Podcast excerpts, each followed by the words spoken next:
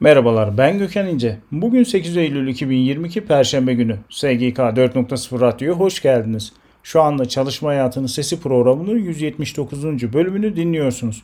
Programımızda çalışma hayatına ilişkin güncel gelişmelere özet halinde yer veriyoruz. Programımızda yer verdiğimiz özet gelişmelerin detaylarını e-posta bültenlerimizde bulabilirsiniz. Programımıza başlıyorum. Resmi gazete Spor kulüpleri tarafından tutulacak defter ve kayıtlar hakkında yönetmelik. Kırsal kalkınma destekleri kapsamında tarıma dayalı ekonomik yatırımların desteklenmesi hakkında tebliğ. Kırsal kalkınma destekleri kapsamında kırsal ekonomik altyapı yatırımlarının desteklenmesi hakkında tebliğ. İhracı kayda bağlı mallara ilişkin tebliğ. HAP gündem.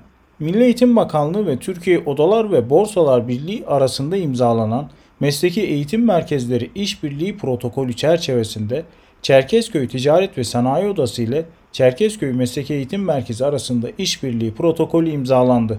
SGK bedeli ödenecek ilaçlar listesinde yapılan düzenlemeler hakkında 2022'ye 35 sayılı duyuru yayınladı. Türkiye Emekliler Derneği ile Türk Ekonomi Bankası arasında imzalanan protokolle emekli promosyonları 8 bin liraya yükseltildi.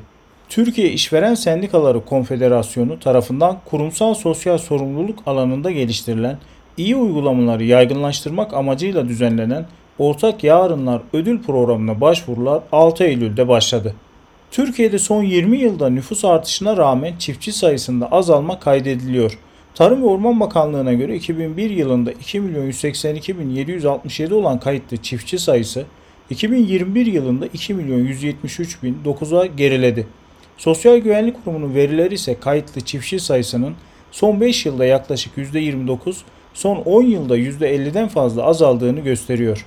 Uluslararası gelişmeler İspanya'da yüz binlerce ev işçisi şimdiye kadar sahip olmadıkları sosyal güvenlik haklarını elde etti. İspanya'da yeni düzenleme ile evlerde çalışan temizlik işçileri ve bakıcılar işsizlik ödeneği talep edebilecek sağlık sigortasına sahip olacak. Gıda sektörünün uluslararası işbirliği platformu, Uluslararası Gıda Ürünleri Teknolojileri Fuarı bu yıl ziyaretçi, katılımcı ve yabancı satın alma profesyonel sayılarında çok önemli başarılara imza attı. Araştırmalar, raporlar ve istatistikler. TÜRMOP Muhasebe ve Denetime Bakış Dergisi Eylül 2022 sayısı yayınlandı. Türkiye Odalar ve Borsalar Birliği tarafından Ağustos 2022'de onaylanan kapasite raporu sayısı Ağustos 2021'e göre %0,3 artarak 4615 adet oldu. Yerli malı tebliğine göre TOP tarafından Ağustos 2022'de 1298 adet yerli malı belgesi onaylandı.